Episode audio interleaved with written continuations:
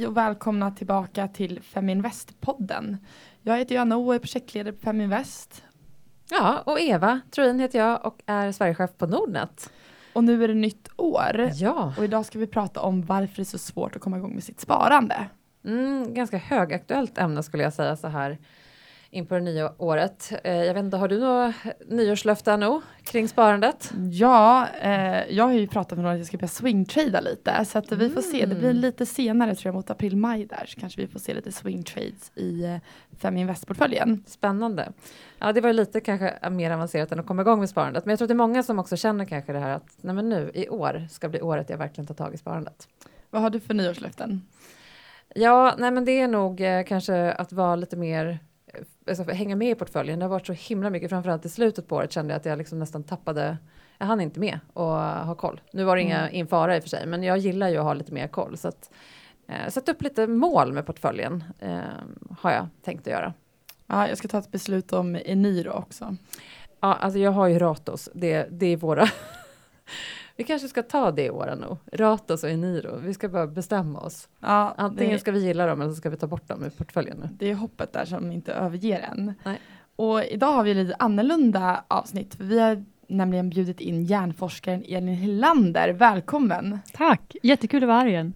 Och du kommer ju vara med oss hela avsnittet, så att eh, istället för att dela upp det som vi brukar göra så Mm. kör vi alla tre tillsammans. Ja, men det här är sånt spännande ämne och det är så roligt att ha dig här. Ja, kul. Och det här är också ett av mina favoritämnen. Det här med målsättning och hur man kan göra för att inte hjärnan ska käpp, sätta käppar i hjulen för ens mål. Du kanske kan hjälpa oss lite med den här Niro Ratos-fällan vi har fastnat i Ja. i slutet av podden. Jag tänkte det, på det, om det är det loss aversion som ni har drabbats av, Ja. kanske. Kanske. Ja, vi, vi kanske kan återkomma till den. Ja, vi behöver också lite hjälp här. Ja. Ehm, Men 2017 har ju precis startat och gott nytt år till alla er där ute och hoppas att ni har fantastiskt jul och eh, nyår. Jag hade det jätte, jättehärligt i Brasilien Mm. och Eva, du har också varit iväg. ja, jag var iväg en liten tur, men eh, det var skönt att få byta miljö lite grann. Men sen är det ju alltid härligt bara att ehm, ja, få julfira lite grann med familj och, och släkt. Ja, och nu tycker jag man ska ju kickstarta 2017 så verkligen komma igång med sitt sparande. Mm. Men Elin, vi kör första frågan här. Varför är det så svårt att just ta tag i sitt sparande och komma igång? Ja, det är en jätterelevant fråga som jag tror många har kanske ställt sig själva. Och en anledning till att det är svårt, det finns flera anledningar, men en är att om du ska börja spara och inte gjort det tidigare, så är det det som krävs är att du behöver få till en beteendeförändring. Alltså du behöver bete dig annorlunda. Att vill du till exempel att din ekonomi ska se annorlunda ut, så behöver du bete dig annorlunda. Och beteendeförändring är inte alltid så lätt att få till. Sen så finns det ju det finns flera anledningar till att det är svårt att spara. Att det handlar om att skjuta upp eh, konsumtion, att avstå från konsumtion här och nu för att få det i framtiden. Och vår hjärna älskar belöningar här och nu. Den gillar inte att skjuta upp saker, så att den eh, ställer till det lite för oss ibland. Och hittar man något så här reaplagg, vilket man kanske har gjort nu i mellandagsrean, så är det liksom lätt att känna att jag vill ha den här, att det kommer ett begär. Och det har med vårt belöningscentra att göra, helt enkelt. Jag kan ju få den här känslan nästan av att jag sparar pengar handlar på det. Ja, men precis. Att det, det känns så himla bra. Mm. Eh, att det blir som ett kap. Och det, rea är också det här att du ska slå till här och nu. Du kan inte gå hem och fundera, för då kan det här plagget vara borta. Eh, det får oss att vara impulsiva. Eh, och det är hjärnan bra på. Ta snabba beslut, var impulsiv, se till så att du har det bra här och nu. Sen är det ju ofta de här reaplaggen tycker jag som man köper, de hamnar ju oftast där i garderoben. ja. Det är så många plagg som jag har köpt som jag tänkte så här, varför köpte jag det här? För det var ett bra fynd här och då, men jag använde den en gång. Precis. Och då blir plagget ganska dyrt. Verkligen, om man räknar ihop alla eh, summan till det och tänker vad, många aktier man kan ha köpt istället.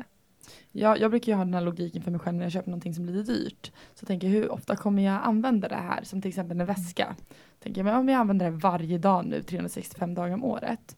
Då är ju inte den här väskan så dyr. Då kan ju faktiskt ett reaplagg som man använder en gång vara en dyrare investering. Mm. Du kör pris per användning. Ja, Det är så jättebra. jobbar jag. Ja, men det, det, det är en bra strategi faktiskt. Ja. Eh, hur ska man motivera personer att komma igång? Vad är det för faktorer man borde trycka på? Mm. Först, eh, det finns flera. En, nu som vi pratade om eh, nyårslöften och att det är nytt år. Det är ett, ett eh, väldigt bra tillfälle för att eh, göra en beteendeförändring, eh, en, en fresh start, en ny start.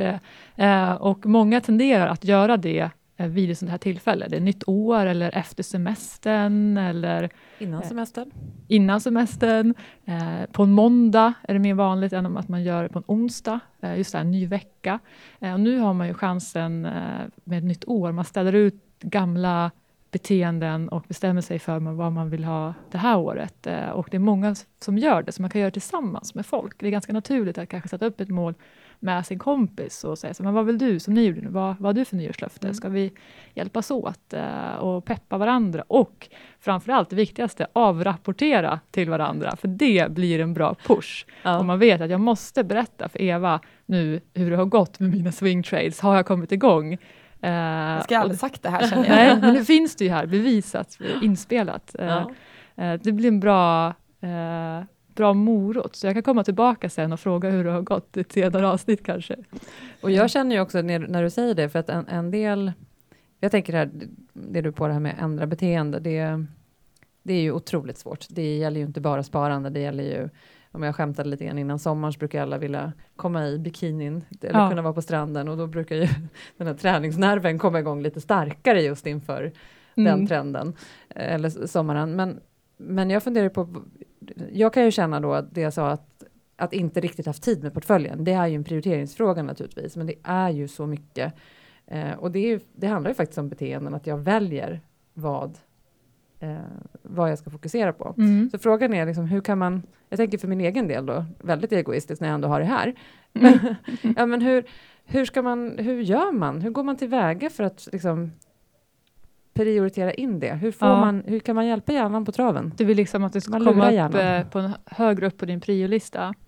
Eh, ett, så, en grej som eh, man har sett inom forskningen som har att göra med sparande, eh, som, som ditt mål handlar om, pengar och sparande, är att eh, vi, eh, att spara pengar, det handlar, det är en kamp mellan ditt nuvarande jag, alltså ditt jag här och nu och ditt framtida jag. Du har en, en pott med pengar som du ska fördela så att det blir rättvist till er båda. Du får lite till framtida dig och du ska få lite här och nu, men det är en ojämn kamp för att det är ditt nuvarande jag som har all makt att ta beslut. Och där har man sett då för vissa människor, när de tänker på sitt framtida jag, så är det för dem som att tänka på en annan människa.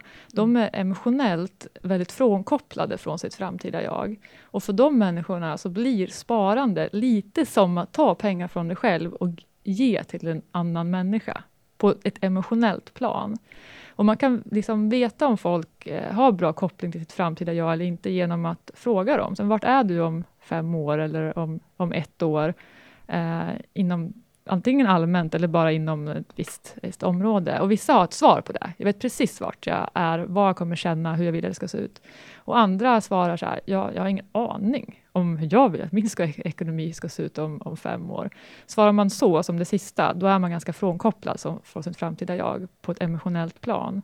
Eh, och det blir lite svårare att spara då. Det man kan göra är att man eh, gör väldigt detaljerat för sig själv. Hur vill jag att det ska se ut om ett år? Eh, detaljerat. Hur vill jag att det ska kännas när jag kollar i min portfölj mm. eh, och så vidare. Att du skapar liksom framtida minnen för dig själv.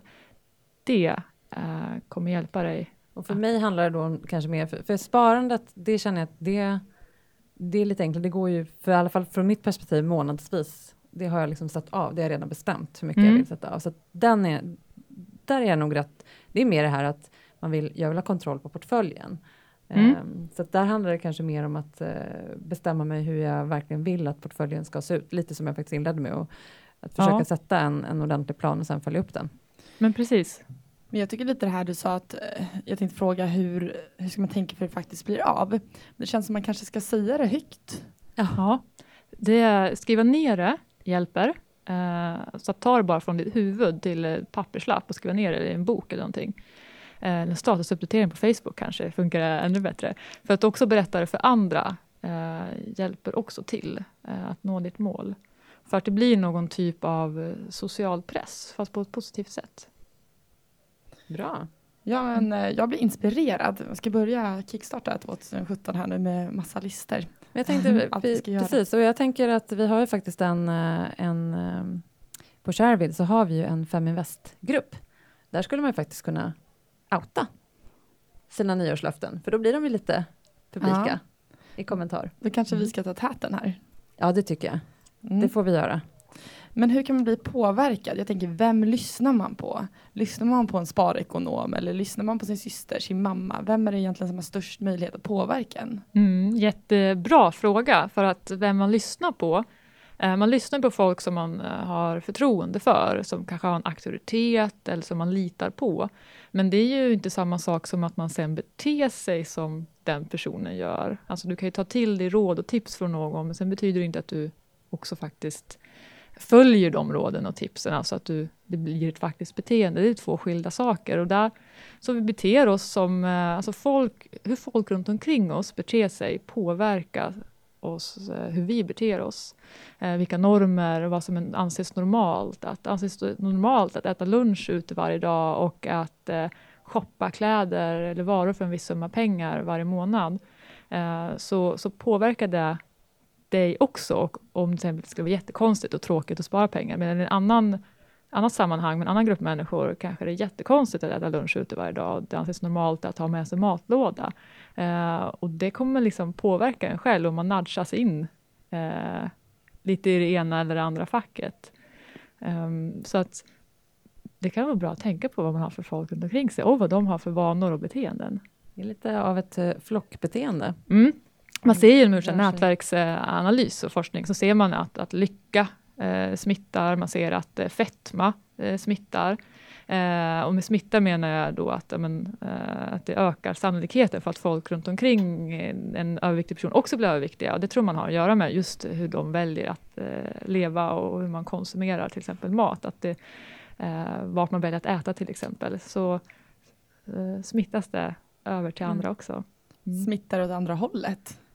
Och då Mm. tänker jag att i- en plats då där man har mycket inspirerande människor kring sparande som pratar om det, det borde ju kunna smitta en i positiv riktning. Definitivt. Definitivt. Man ska ju vara i någon sammanhang eh, i- som leder i den riktning dit man vill. Eh, så det är ju ett jättebra tips. Att eh, vill du förändra någonting, att jag vill bli eh, bättre på att spara eller spara mer, men häng på i sparsammanhang, eh, sparträffar, aktiepoddar och eh, häng med sådana människor så kommer det påverka dig förmodligen eh, över tid. Ska man säga att sparande och investeringar kan ju gå hand i hand men det kan också vara olika saker. Ehm, och där tycker jag att många kan man ju träffa som till exempel säger att de investerar i en ny bil.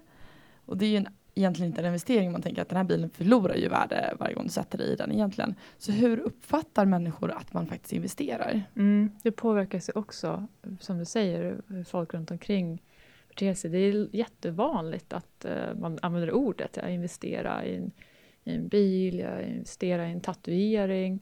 Eh, och det anses också ganska normalt. Det är ingen som höjer på ögonbrynen om någon köper en, en bil till ett normalt pris. Bilar är ganska dyra. Eller om man köper trisslotter. Men det finns ju vissa som eh, anser att till exempel köpa aktier är, det är farligt, eh, man kan förlora pengarna. Ja, det kan du, men en bil så förlorar du pengarna, Mm. garanterat. Eh, men det är ingen som har en åsikt om det och eh, om man tar ett sådant beslut, medan folk kan ha åsikt om man väljer att kanske köpa aktier eller investera dem i något annat. Ehm, och, och det är därför det är så intressant också med, jag tänker på det här hur beteenden smittar och eh, med ny teknik, om vi tar Shareville som ett exempel på hur man gör sparande och investeringar mer sociala, öppnar upp hur andra beter sig Mm. eh, så att man själv kan eh, lära sig och, och få inspiration till att själv, hur man själv ska agera. Det är jättekul att se sådana. Och eh, vi har i eh, Sparappen Dreams så kan man också spara socialt tillsammans med andra. Eh, som också är bara två exempel på nya uppfinningar eh, och teknik som Ja, gör... För jag tycker att det där är lite spännande. Vi har pratat om, vi pratar ju mycket om kvinnligt sparande i den här podden då. Mm. Eh, och jag, jag har, har varit ute och, och jag tycker ju generellt inte att det ska skilja sig så mycket, men, men jag vet ju att mycket traditionellt hur man har handlat aktier har ju varit alla sidor, hur de har presenterats, har varit väldigt liksom, tekniska och kanske appellerat mer på män än på kvinnor. Eh, där ser ju vi en skillnad på Shareville och jag kan tänka mig att även Dreams, Ja. kan se, och, och kanske inte bara på kvinnor men också yngre generationer, men att man måste ju ändra lite grann, liksom öppna upp och bli mer inkluderande när det gäller sparande Mm. för att attrahera nya målgrupper till det. För att, att aktier har, precis som det du var inne på tidigare, att man tycker att ja, men det, man är så rädd att förlora pengar och det, det är något farligt. Det tror jag kommer sig lite grann av att det har känts ganska exkluderande och det har varit det har, man har satt liksom trösklar som att det har varit ganska komplext. Mm.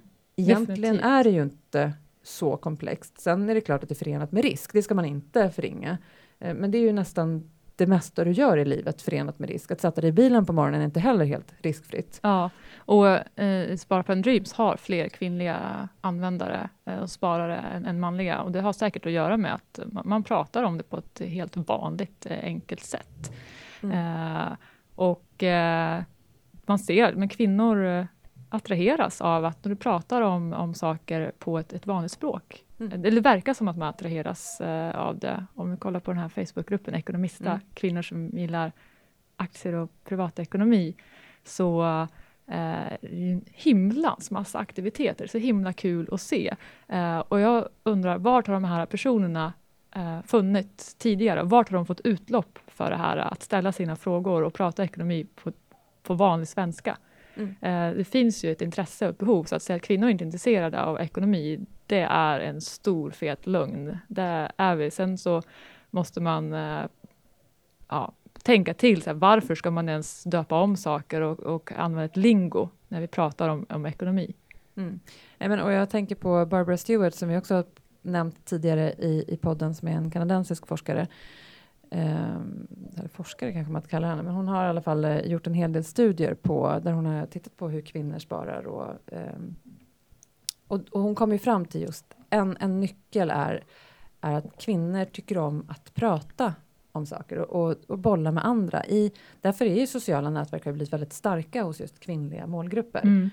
Så det märker, vi märker det med Shareville också, att vi attraherar ju, andelen kvinnor är högre än vi haft tidigare som, kommer bli, som blir kunder på, på Nordnet nu och det drivs väldigt mycket av Shareville som nätverk. Att det är ett bra ställe där man kan samlas och prata och i Fem Invest-gruppen kan man prata, Ekonomista-gruppen har också en, en grupp där man kan samlas och diskutera men också fritt i forumet och följa inspirerande personer. Mm.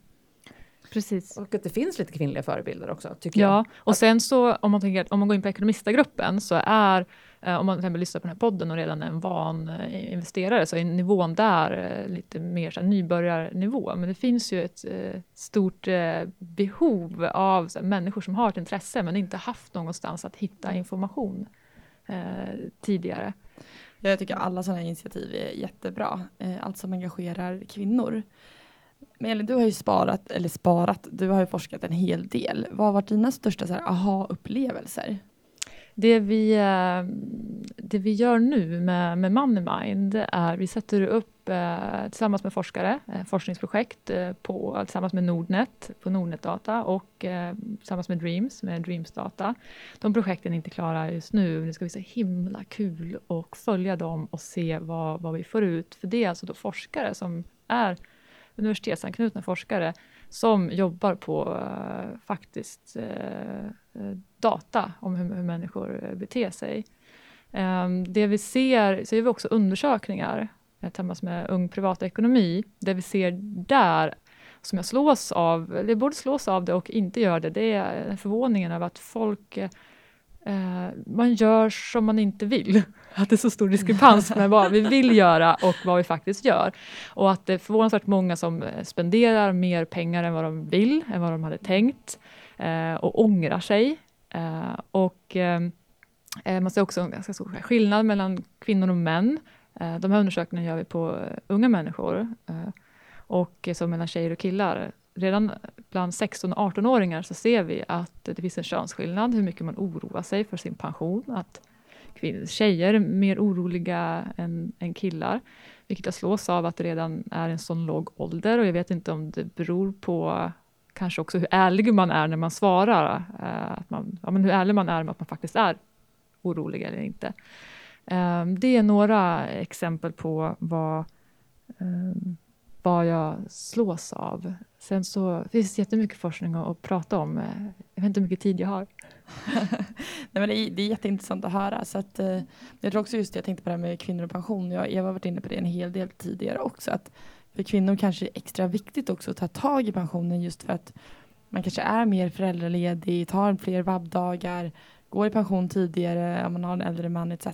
Så man kan ja. slås ganska hårt eh, om man inte har tänkt på de här faktorerna innan. Och det, det här, alltså det är så himla intressant ämne eh, som mm. jag är verkligen engagerad i och som jag slås över, för jag läser mycket på forum eh, på internet, vad folk skriver om det här och vad de ställer för frågor och hur de resonerar kring det här, hur du delar upp ekonomi med din partner och jag slås över hur eh, vad ska man säga, hur, inte så okunnig, men på något vis det saknas mycket kunskap där ute hur man bör tänka och någonting som jag verkligen har förvånats över är hur man ser, hur man kopplar ihop den här diskussionen med kärlek till sin partner.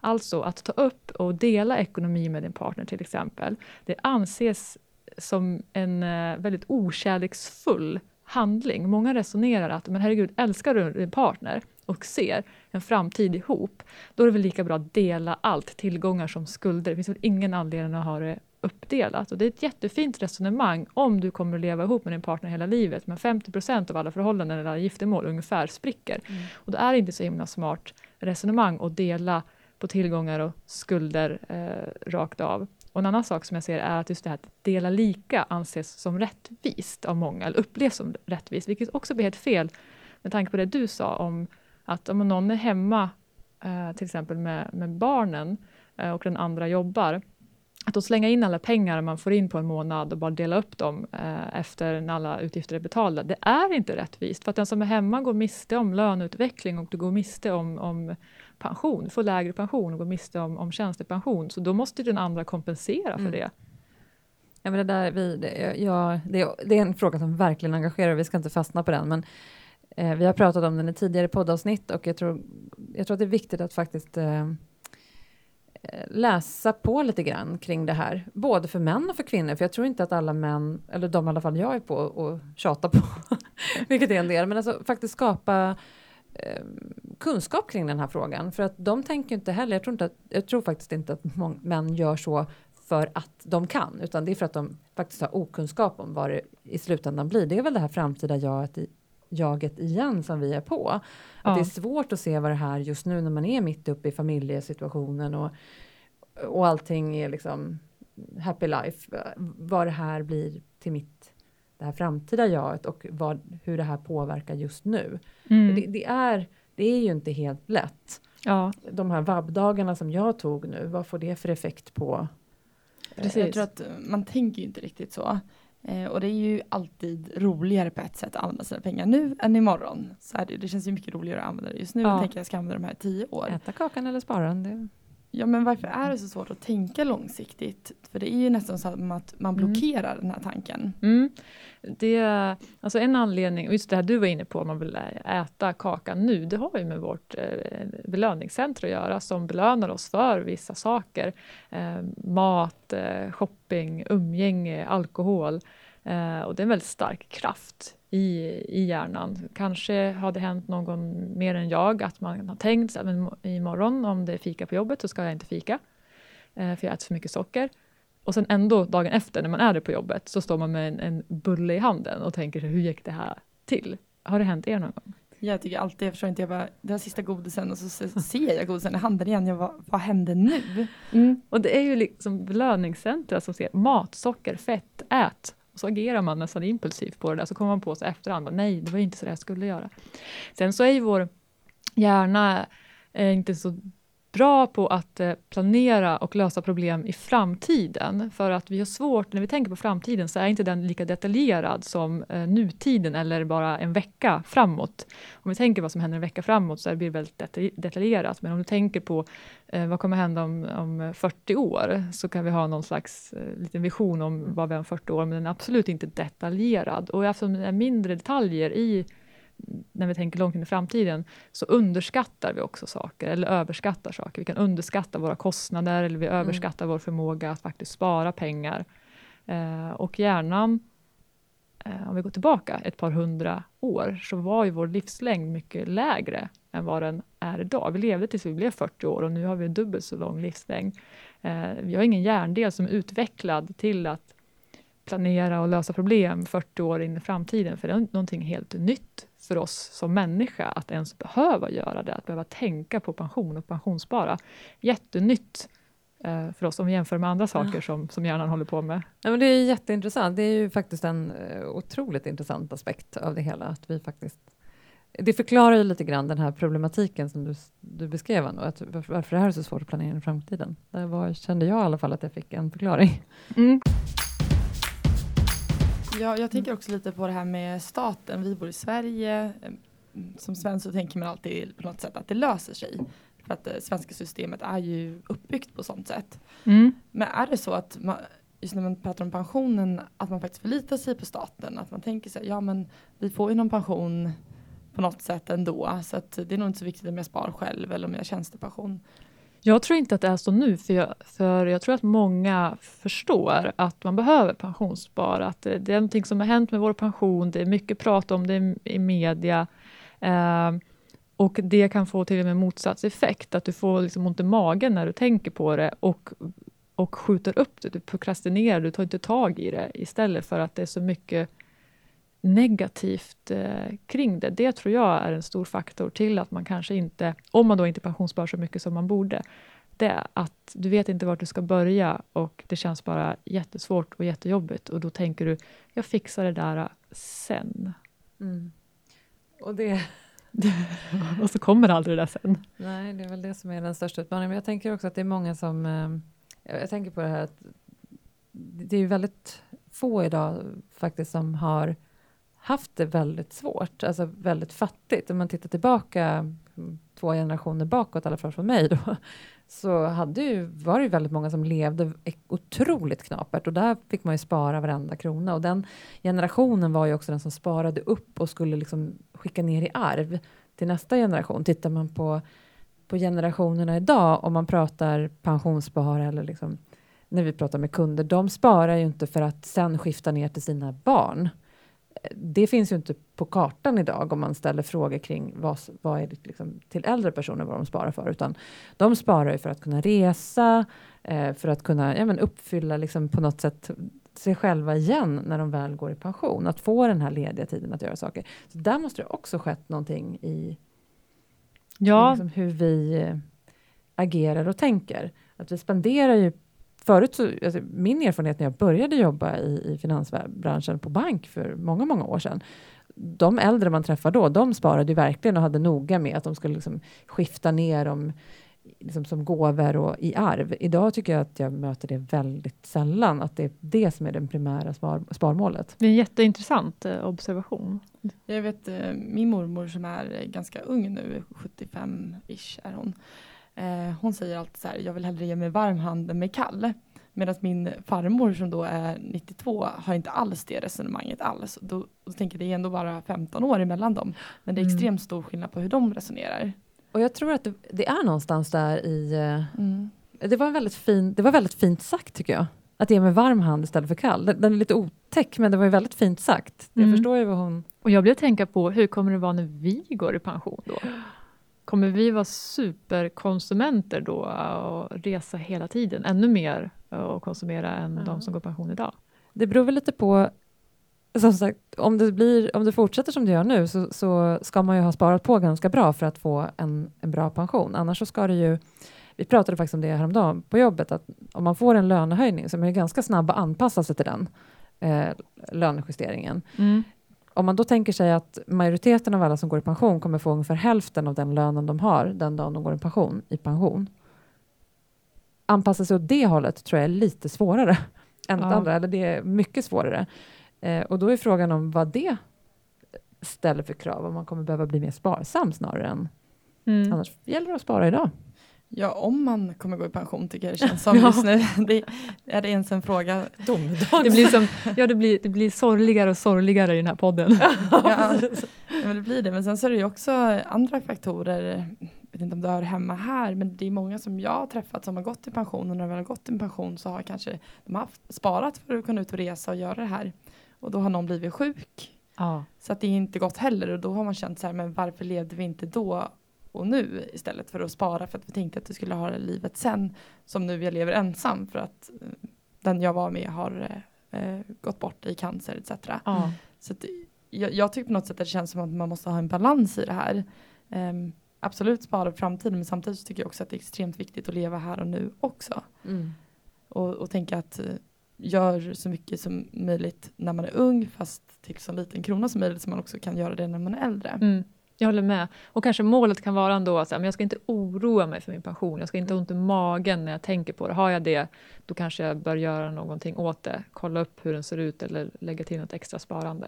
Ja, och jag, jag tänkte på någonting som du och jag har pratat om nu också, att just det här oron och, och att man går och tänker på det. Det finns ju faktiskt enkla medel bara att säkerställa att man har en tjänstepension.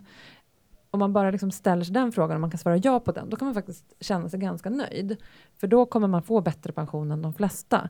Så bara där är ju ett, liksom en, en eh, bock i hörnet. Och sen att man kanske också ser över var, var någonstans den här är placerad så man inte betalar alldeles för mycket avgifter. Då har man också gjort två saker. Då har man liksom checkat av två saker som Ja, då, ska, då du kan man vara lugn. Då kan man vara ganska lugn. Då behöver man inte liksom fundera så mycket mer. Sen så kan man kanske skapa sig, följa med i, som du var inne på tidigare, umgås med lite folk och hänga på ställen där, det, där man pratar lite om det här så man får upp lite inspiration. Men så himla mycket mer behöver man inte göra. Men man, som- man kan ju också gå in på min pension och göra en sammanställning för att få en uppfattning. Då får du ju en, en bekräftelse på hur det ser ut i varje fall. Mm. Så det vill säga att när man letar nytt jobb så ska man fråga äter ni matlådor och finns tjänstepension? Och Ja. då har ni det. Då ta, precis, det känns viktigt. Äta matlådor, inte vara så himla trendriktig och handla mycket kläder. Precis. Eh, och sen Gärna uniform. Jag ser att du har en väldigt gammal väska. Det här, det här ser bra ut, här vill jag Ja, jobba. Precis, här vill jag jobba. Nya kriterier. Men vad får det här för kon- konsekvenser om man inte tar tag i sitt sparande? Ja, vi kanske ska svara båda två på den. Jag kan ju Mm. svara från det psykologiska hållet och det är ju att om du inte tar tag i den eller känner liksom att du har en överblick eller koll så skapar det en oro. Och den här oron är, den tär på den och den kan vara ganska jobbig äh, att ha och den kan också leda till ett ännu större undvikande av den här frågan. Till exempel äh, Min pension är en jättebra tjänst som är eh, gratis och lätt att använda. Men deras, ett av deras största problem är att folk inte använder den. För att man, man, man drar Mm. sig för det. Och att liksom lida av pengastress, eh, det är någonting som påverkar en i, genom hela livet. Och man inte bara känner på, på måndagar eller på tisdagar. Så att jag skulle säga, var schysst mot dig själv. Gå in på min pension och, och kolla hur det ser ut, att du slipper den, den här eh, oron. För att hur man än vill eller inte så har man en privatekonomi. Man kan inte välja att inte ha en privatekonomi. Um, vilket det känns som kanske vissa tror genom att bara inte tänka på den. Men det funkar Stoppa inte ner så. huvudet i sanden lite grann. Ja. Ja, men så tänker jag på en till eh, faktor där som jag tror är ganska viktig. Det är just det här med kreditkort. Jag tror inte Ja. att alla ska ha tillgång till kreditkort. Mm. För det är extremt många personer som är duktiga på att dra det här kreditkortet och så betalar de på avbetalning och så gör man det igen. Ehm, Ja, och det blir så svårt för att där blir det en fördröjning av beteendet och din feedback. Du tar ett beteende, du köper någonting, det känns jättebra. Feedbacken sen, alltså när räkningen kommer, kommer en månad senare. Eh, och då blir de här liksom- beteendena inte ihopkopplade med den här negativa känslan. Så att det blir jättesvårt Mm. att hantera för vissa. Medan om du ja, drog pengar, hade, gärna tog ut kontanter och betalade cash och såg, kände hur mycket lättare plånboken blev och eh, hur, mycket, hur jobbigt det kändes, då har man den direkta konsekvensen av beteendet där och det är, Mm. är mycket bättre. ja, men jag tror det är någonting man ska se upp för också. Nej, men, och så, så är det väl, jag menar, nu sitter väl jag mer på spararsidan, men, men det är ju den här generellt ska säga, konsumtions... Eh, beteendet, om vi nu pratar beteenden, vad man bör titta på, så är ju det en, en viktig, viktig sak att ha koll på. Mm. Eh, jag, jag tittar också på mina barn. Eh, det finns ett annat typ av det här app, köp i app-konsumtionen är ju jag är ju inte den populäraste mamman i det gänget kan jag ju säga. För jag tycker det där är verkligen slöseri med pengar. Men det, det börjar på, i väldigt låg ålder och konsumentbeteendet är på liksom saker som verkligen är här och nu. Där du får en feedback i spelet där du kommer upp en level till. Sen är den Mm. inte värd någonting. Så att vi börjar ju liksom trycka ner den här konsumentdelen och den är också kopplad ofta till kredit eller att du har ett kort kopplat till. Så jag tror att man ganska tidigt ska börja prata med barn om och det om vi nu ska gå ännu, har vi pratat pension, men går tillbaks ner, ner till barn igen. Så tänker jag att, att sätta upp en privat ekonomi, alltså sätta upp en ekonomi för barnen tidigt, att börja jobba med veckopeng, eh, att börja jobba med beteenden, eh, att ta ansvar för pengar tror jag är, blir mer och mer viktigt. För jag Mm. tror att vi kommer se, om, om, om man inte tar det ansvaret som förälder nu, så kommer det här kreditkortsbeteendet bli ännu värre för kommande generationer. Så tänker jag så här, kan det inte vara något sätt hur man är som person? Jag tänker, jag och min, min bror, vi fick alltid veckopeng, fick lika mycket pengar. Eh, Säg att vi fick en tia var. Och eh, när vi gick till affären och skulle köpa godis så köper jag för 6, 7 eller 8 kronor, spar mina 3 kronor till nästa vecka. Medan han köper ju så att precis att han spenderar den här 10 kronan, gärna lånar en krona av mig också om han kan. Och då tänker jag att vi har exakt samma uppfostran. Hur kan det vara så olika? Ja, det är jätteintressant. Ja, det är en ja, jättebra fråga. Jag tror att eh, hade man svarat på den så skulle det lösa många problem. Och jag börjar, för mig, jag och min bror är ganska duktiga på ekonomi. Eh, och vi hade, vi hade veckopeng med mina föräldrar. De glömde ge oss den och då, eh, alltså det var väldigt odisciplinerat. Eh, och det gick ju bra en, ändå. Eh, jag vet inte varför. Nej, nej och det kanske, men- jag, någonstans tror jag ändå, jag har i alla fall börjat prata med min, i alla fall äldsta son som är tio år om det här och eh, nu har jag kanske gjort fel då Elin, du får väl hjälpa mig här med den Men jag här tror att jag har svaret sen vad lösningen är.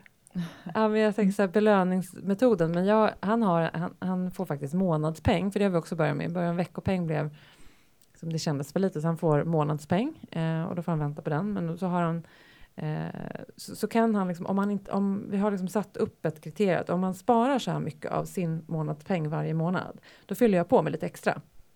Mm. ska jag, ska jag, bedöma? Belöningsbeteende. Ja, nej, men ja, men det det, blir en det belöning. är bra. Det blir som en typ av ränta kan man säga. Eller alltså som att... Ränta på beteendet. Nej, men jag, vad jag vill försöka åstadkomma vill är förstärka. är att förstärka att det är bra att, att, liksom lära sig att inte bränna iväg alla pengar på en gång. Utan att lära sig att det faktiskt det kommer någonting gott med att du, att du inte gör av med alla pengar. Utan då får du en liten belöning av mig. Ja. Och jag satt, då sätter jag in de pengarna på, i han, på hans aktiekonto. Så då får han köpa aktier för dem. För att han har lite svårt i dagsläget med den månadspeng han har att liksom spara undan till aktier. För han känner fortfarande att han behöver spara rätt mycket för att kunna köpa den nya hockeyklubben och sånt där. Mm. Så då har jag sagt, men då fyller jag på lite grann, men då går det in på aktiekontot. Men det är bara förutsatt att du sparar liksom, En viss summa. en viss summa av den månadspengen. Och jag tror att eh, en stor eh, avgörande faktor för barns beteende eller framtida beteende med ekonomi, det är hur man själv beter sig. Också, jag tror att eh, definitivt att det är bra att ha veckopeng och olika system, men du kan också ha veckopeng Eh, och det inte blir bra om man själv inte hanterar sin ekonomi eh, så bra.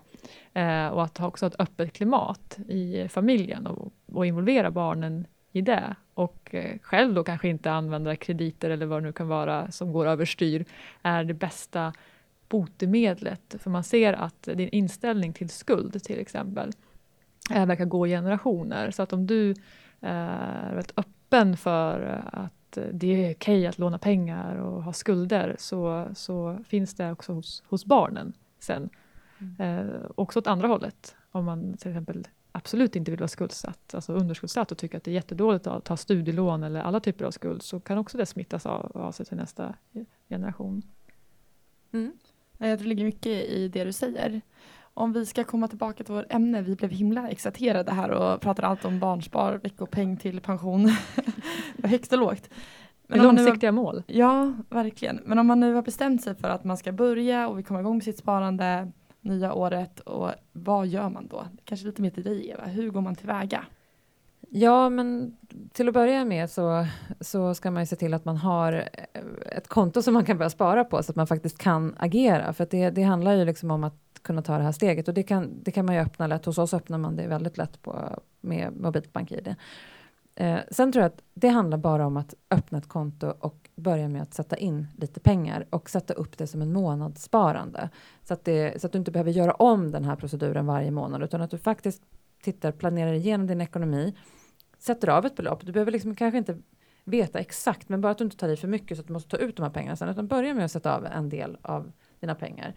Och sen tycker jag, häng med i det som Elin pratade om tidigare, i forum, eh, i den här podden, eh, lyssna tillbaka på tidigare avsnitt och börja köpa aktier.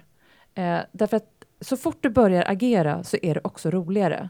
Så fort du är med och inte bara står vid sidan av på läktaren och observerar utan att du faktiskt är med i matchen så blir det mycket roligare. Eh, och köp någonting, vi har pratat om det här så många gånger, ni kan lyssna tillbaka på tidigare avsnitt, men köp någonting som du förstår vad det är och något varumärke du känner igen. Eh, så, så tror jag att det är ett bra sätt att komma igång. Och följ med Shareville hos oss är ett väldigt bra ställe att följa andra och, och inspireras av. Och Nordnetskolan finns också. Ja, eh, Nordnetskolan är ett ställe där vi har samlat mycket utbildningsmaterial och information om man är, om man är nybörjare. För att man ska inte, det är liksom, det är en jätte det är lätt att man när man kanske är med på sådana här forum också, tänker jag, att man kan uppleva att men, jag förstår inte det här. Vad är det för, vad, vad, betyder ISK för någonting? Eller vi har ju ganska mycket begrepp vi, vi rör oss med. Du är inte ensam. Alla har varit där. Eh, och där försöker vi hjälpa till på Nordnetskolan att verkligen liksom ta, hålla dig i handen från start. Ja, och vi har ju även eh, Feminvest-gruppen på Facebook som heter Feminvest kvinnor som gillar, som vill prata investeringar. Mm. Som är lite mer på en fortsättningsnivå just för att inte de här um, basfrågorna ska komma. Så vi vill ta det ett steg längre. Eh, kanske inte vart, vilken kontoform ska man ha, för det finns jättemycket forum för det, vilket är jätte, jättebra.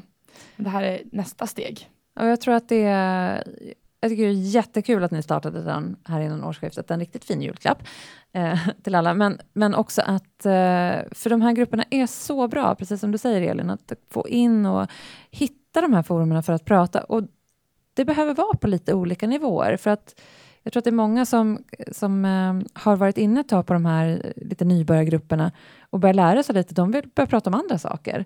Och då är det jättebra att eh, Feminvest kliver in. Då får man komma vidare till vår grupp. Mm. Ska vi prata lite investeringar?